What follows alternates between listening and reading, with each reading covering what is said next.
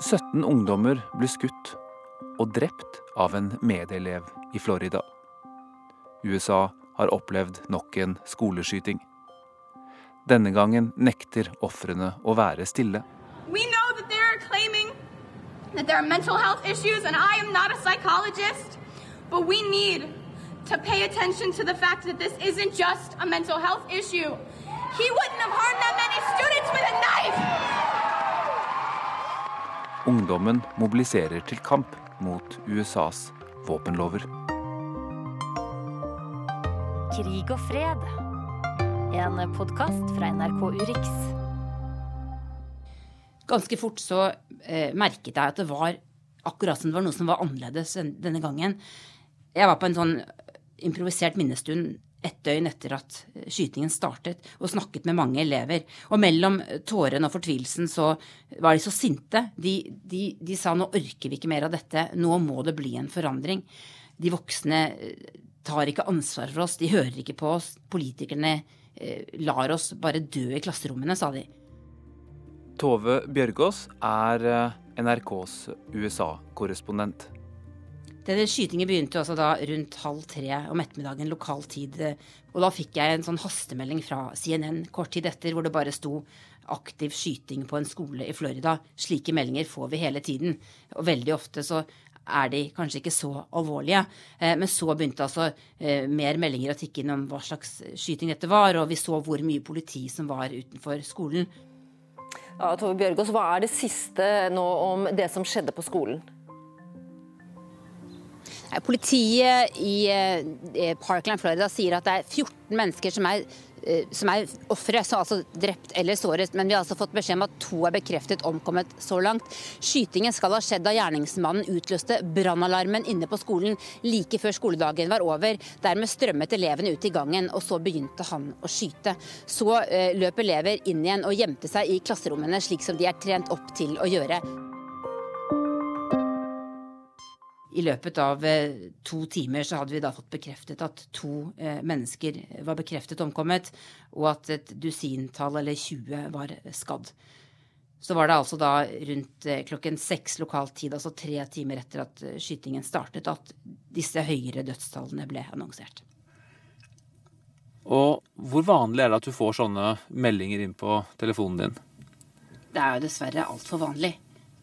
Og derfor så var det også sånn at når vi fikk vite om disse to drepte, så sa desken hjemme at nei, vi reiser ikke med mindre det er oppunder 20 drept. For det er så vanlig med slike skytinger at det er slik at de faktisk ikke reiser. Det er mange av dem vi ikke har reist på de siste årene, fordi det skjer hele tiden.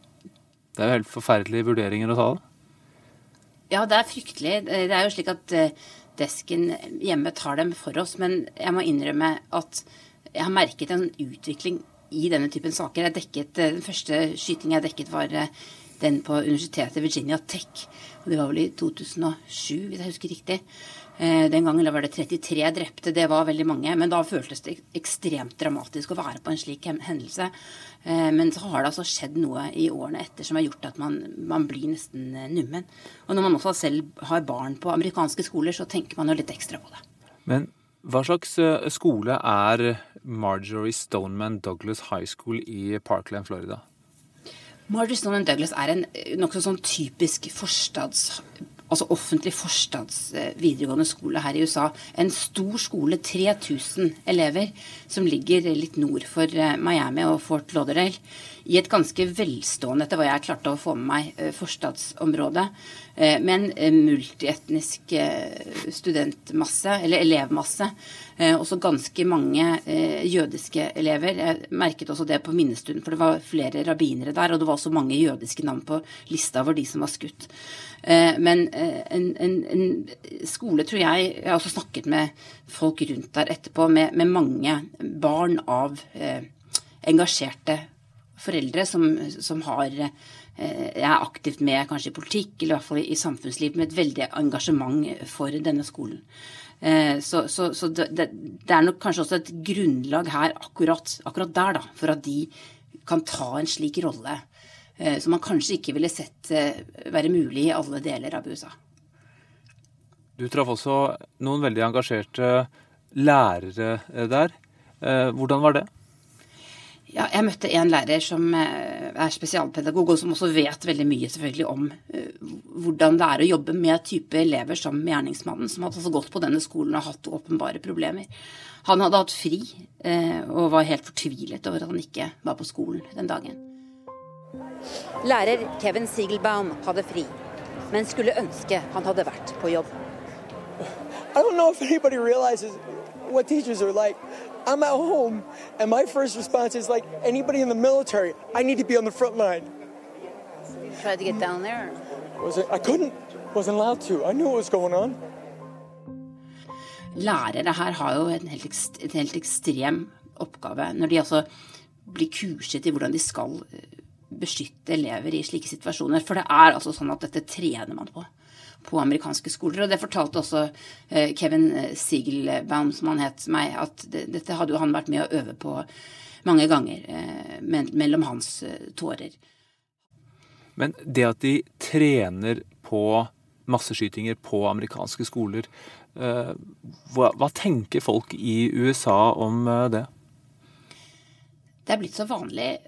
Jeg må innrømme altså Jeg har en, selv en stesønn, eller jeg bor sammen med en 17-åring som eh, har metalldetektorer på, på, skolen sin. Her i Washington har de det fra ungdomsskolen.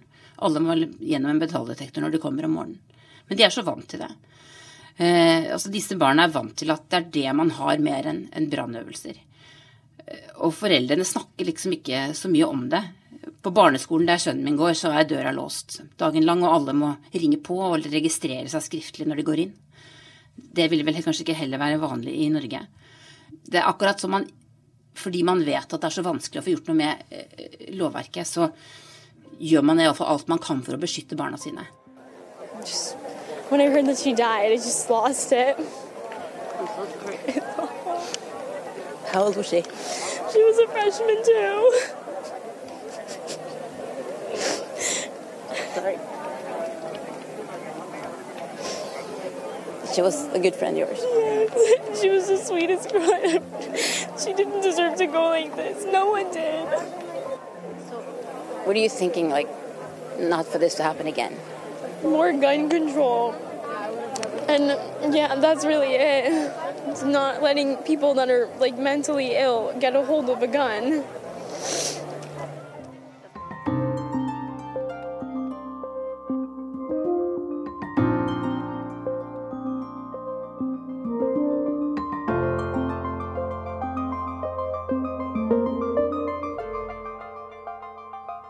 Broward County Sheriff's Office said 19 year old suspect Nicholas Cruz had an AR semi automatic rifle in his possession when he was arrested. It's an extremely popular rifle and has been used uh, in uh, mass shootings in Aurora, Colorado, Newtown, Connecticut, San Bernardino, uh, Sutherland Springs, Texas, and in Las Vegas. Aller først, eh, hva slags våpen er en AR-15? Så Det er en rifle. De som kjenner sånne ting, er at en rifle har sånne riflinger inni løpet som gjør at uh, prosjektilet, eller kulen, da, at den begynner å dreie rundt, og da blir den stabil i luften. Det er liksom uh, hovedsaken.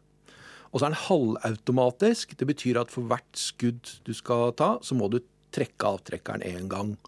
Og det helautomatiske eller fullautomatiske våpen, det er sånn der du, du, du, du skyter så Det vi kanskje kaller maskingevær? Ja, det er ikke det heller. For maskingevær har vanligvis en tofot er litt tyngre. Mm. Du, og da ligger du ned og skyter.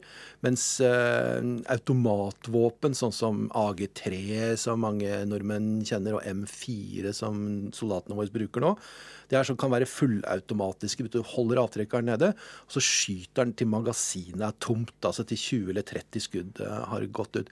Med halvautomatiske så må du skyte hver gang. Men du, Men du trenger ikke å lade om fysisk? Nei, ikke for hver gang. Det er ikke sånn som uh, jaktvåpen. De fleste jaktvåpen så har du en sånn der bolt. ikke sant? Det er klikk, klikk, klikk, så har du, uh, har, har du et nytt skudd inni uh, kammeret. Det er ikke sånn. Du må, du kan, det er bare å trykke lett hver gang, så får du avfyrt. Men den der AR-15-typen som dette her, så kan en godt trent skytter skyte kanskje 50 uh, skudd i minuttet. Og det er inkludert et magasinbytte, altså. Rett, rettet til. Så det er uh, veldig, veldig effektivt våpen, selv om du må trekke av for hver gang. Det er halvautomatisk. for use in areas where extreme mobility is required and ammunition resupply is difficult. A new rifle has been issued to special forces, airborne and air mobile troops of the Army, and to other military forces of the United States. Dette våpenet ble utviklet på 1950-tallet. Men det var først da den amerikanske hæren tok det i bruk under Vietnamkrigen at masseproduksjonen startet. Robert McNamara var forsvarsminister og så at den amerikanske hæren var underlegen i krigføringen i jungelen. Too specific or accurate in estimating the size of that uh, battalion. I would guess it's on the order of four or five hundred men. Det de hadde, dugde rett og slett ikke mot Kalasjnikoven eller AK-47. AR-15 blir til M16 i Forsvaret, og etter noen år med tekniske problemer blir det standardvåpenet i det amerikanske militæret. Halvard Sandberg er utenriksjournalist her i NRK. Men var det mange som kjøpte dette våpenet på 70- og 80-tallet? Nei, det var ikke det. Det var ikke spesielt populært. Det var ikke så veldig tilgjengelig heller. Det var bare Colt som hadde rettighetene til å produsere det. Og de konsentrerte seg om å selge til det amerikanske forsvaret, og det var dyrt. Eh, men det var i salg. Det var mange som kjøpte det. Men det var ikke det mest populære våpenet. Det blei også sagt det at det, hva skal vi med dette våpenet egentlig? Eh, altså sånn praktisk, hva skal dette brukes til? Skal jeg gå ut med dette militære våpenet for å jakte på rådyr og sånt noe? Det var det spørsmålet der. Det fikk ikke den store populariteten. Gjorde ikke det, altså. I 1994 skjedde det noe i amerikansk politikk. En rekke våpen ble satt på en forbudsliste, inkludert AR-15. These things can be prevented. Think about it a 30 year veteran of the police department killed by an M1A1 assault rifle after a bank robbery. To tell them this is not about gun control, it's about crime control. Det forbudet gikk ut i 2004, og hva skjedde da med salget av eh, AR-15? I den ti år lange forbudstiden så var dette et våpen som folk visste om, som Forsvaret brukte, som ble vist fram i filmer, og som skulle være som dette supervåpenet. Og det får du ikke lov å kjøpe. Du får ikke lov til det. Dette får ikke du. Du vet om du får ikke det. Så med en gang forbudet ble, ble opphevet, så ville veldig mange ha det våpenet. Vet vi noe om hvor mange slike våpen som finnes i sivilt uh, bruk i USA? Det er anslått uh, at det er omtrent 8 millioner AR 15 typer våpen i amerikanske hjem. Og at det er det femte mest solgte håndvåpenet i USA nå for tiden. Så det er rimelig mange av dem. Det er blitt et slags sånn symbolvåpen? Det er blitt et symbolvåpen. altså NRA kaller det bare America's Rifle, den amerikanske rifla. Eh, at du er ekte amerikaner med å ha den, og flere som Eh, media har snakket med nå den siste uken, sier de at eh, det å ha dette våpenet, det betyr noe mer for meg enn det bare å ha et våpen. Det betyr at jeg har AR-15, det mest forhatte av, de, av si, motstandernes våpen. Da.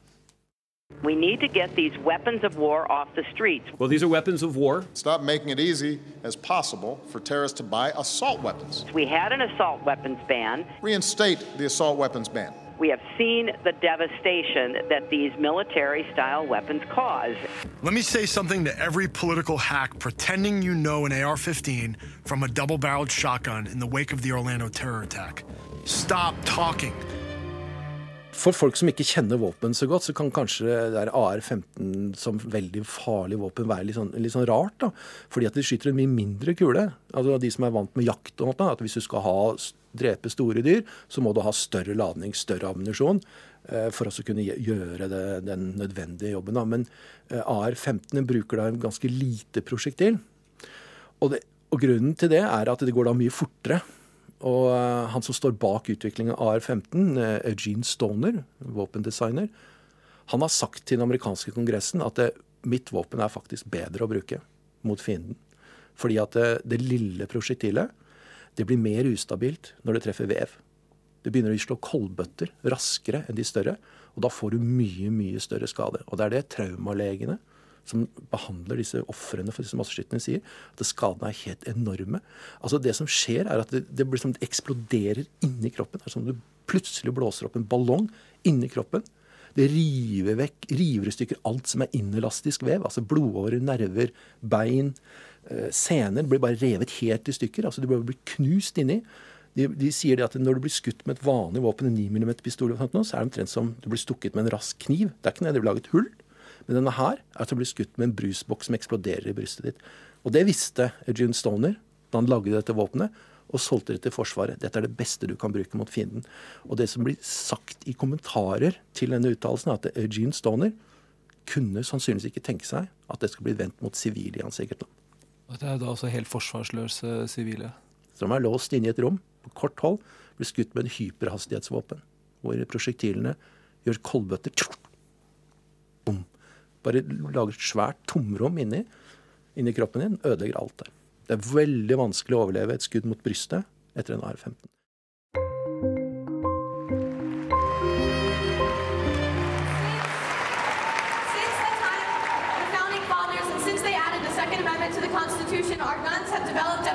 Leaves me dizzy. The guns have changed and the laws have not. We certainly do not understand why it should be harder to make plans with friends on weekends than it is to buy an automatic or semi-automatic weapon. In Florida,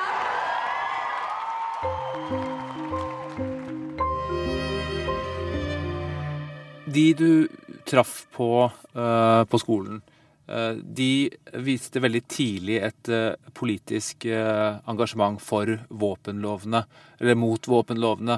De har altså mobilisert veldig i etterkant. Hvordan arter dette seg? De har jo da i løpet av et par dager startet en kampanje, rett og slett, hvor de ønsker å bruke denne anledningen, som de sier, de har til å snakke direkte til president Trump og andre politikere. Og allerede har jo politikerne forstått at disse elevene klarer å sette ord på dette. Og jeg har både sett nå senator i Florida, Marco Rubio, guvernøren i Florida, Rick Scott, og president Trump uttrykke at de ønsker å se på tiltak, og at de også ønsker å ha møter med disse elevene. De har nok helt sikkert fått hjelp av både foreldre og av skolen sin til å organisere dette, men på lørdag, altså tre dager etter massakren, så ble det holdt eh, et møte i Fort Lauderdale, hvor bl.a. denne Emma Gonzales, som mange sikkert har hørt, holdt et flammende tale. Eh, mellom tårene krevde endrede lover, og, andre elever også sa at nå må dere slutte å ofre våre liv. Eh, for at politikerne ikke klarer å gjøre noe med dette. Og jeg tror akkurat dette går hjem hos veldig mange. Og dette er jo også, disse ungdommene vet jo også at de er framtidas velgere. Eh, og dette er generasjonen som har vokst opp med disse øvelsene.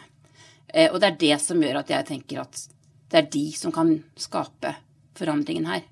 Og jeg tror at jeg er veldig klar over det. Og så tror jeg også at det er noe med mediedekningen dette får. Eh, de som skyter, er jo ofte opptatt av å få oppmerksomhet. Nå har elevene eh, på Marjorie Stoneman Douglas også brukt den muligheten til selv å, når de har kameraene rettet mot seg, bruke den oppmerksomheten til å kreve endring.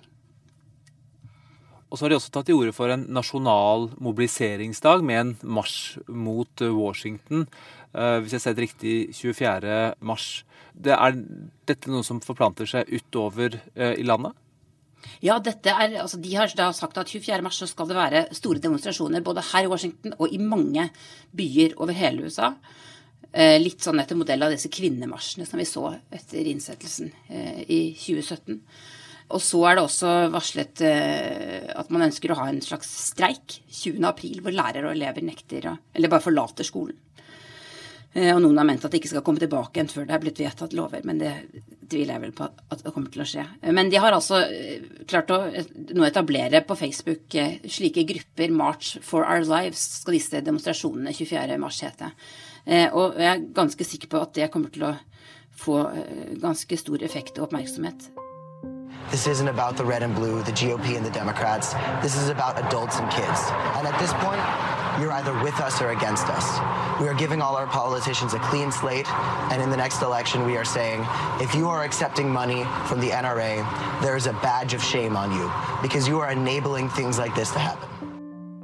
Og det er selvfølgelig også lurt av elevene å vente noen uker med å ha disse demonstrasjonene, fordi nå kan de først bruke tida til å møte politikere, og så prøve å holde da momentumet oppe her.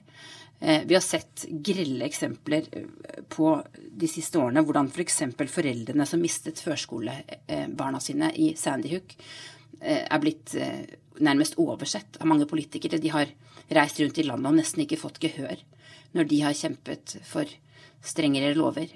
Men, men jeg tror at disse barna, ved å lage en grasrotkampanje og få elever over hele USA til å reise seg, vil kunne ha en helt annen effekt. I president Donald Trumps eh, tale til nasjonen like etter hendelsen snakket han bare om samhold og mental helse, ikke om våpenkontroll. We are committed to working with state and local leaders to help secure our schools and tackle the difficult issue of mental health. Han har etterpå sagt at han er for et forbud eller kontroll med denne mekanismen som kan gjøre et halvautomatisk våpen om til et helautomatisk, det amerikanerne kaller en bump stock. Men han har ikke gått noe lenger enn det. Og republikanerne kontrollerer jo både Senatet og Representantenes hus. Tove, er det noen grunn til å tro at det skal bli noen endring i det hele tatt? Det er litt vanskelig å si, men det er jo valgår i år. Og det er klart at det er veldig viktig. Og demokratene håper nå at de skal klare å vinne flertall i Representantenes hus. Og klarer de det, så har eh, demokratene helt andre muligheter for å få til eh, noe her. Men jeg tror også Altså, det er klart det er vanskelig, og det har ikke skjedd noen ting. Det har faktisk blitt mer liberalt, egentlig, mange steder etter Sandy Hook. Og man har ikke engang klart å bli enige om altså Det er dette med bakgrunnssjekk som er én ting man har kranglet om. Noe annet etter denne skytetragedien i Las Vegas, hvor altså 58 mennesker ble drept, så forsøkte man seg på en lov som skulle forby sånne, uh, sånne pakker som kan gjøre om en, uh, et halvautomatisk våpen til et maskingevær. Det har man ikke kommet noen vei med. Og president Trump har til og med fjernet forordningen president Obama innførte, som ville gjøre det slik at de som har en sinnslidelse havner på en liste. Og altså da vil kanskje bli fanget opp når det er eh, sånne bakgrunnssjekker. Eh, men vi får, vi, det er altså slik at folket er veldig splittet i denne saken fortsatt, og at splittelsen den går i, altså mellom demokrater og republikanere, mellom høyt og lavt utdannede, mellom unge og gamle, mellom menn og kvinner, mellom by og land, slik vi ser i veldig mange andre saker i dette landet.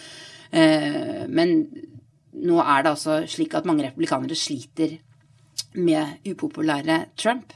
Eh, og at dette nok er en sak demokratene kommer til å bruke for alt den er verdt. Ikke minst for å mobilisere da disse ungdommene som nå kommer til å strømme ut i gatene, til å stemme i november.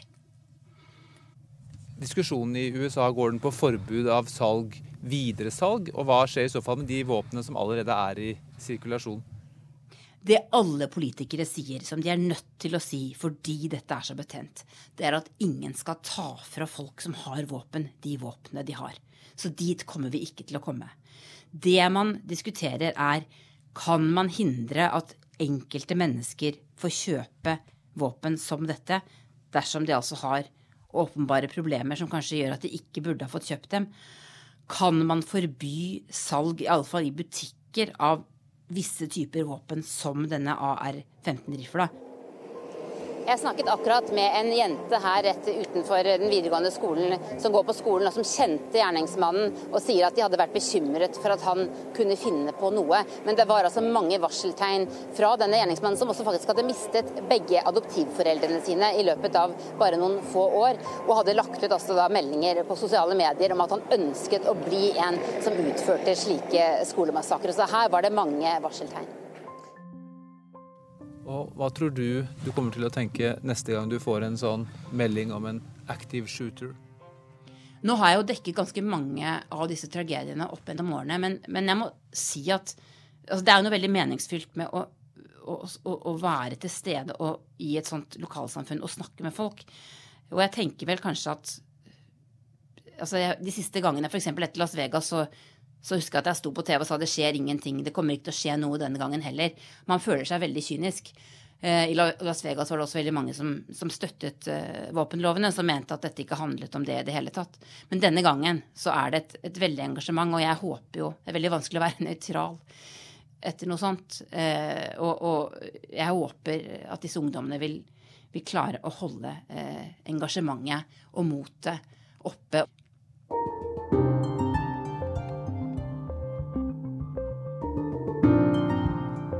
Du har hørt podkasten Krig og fred med Sigurd Falkenberg Mikkelsen.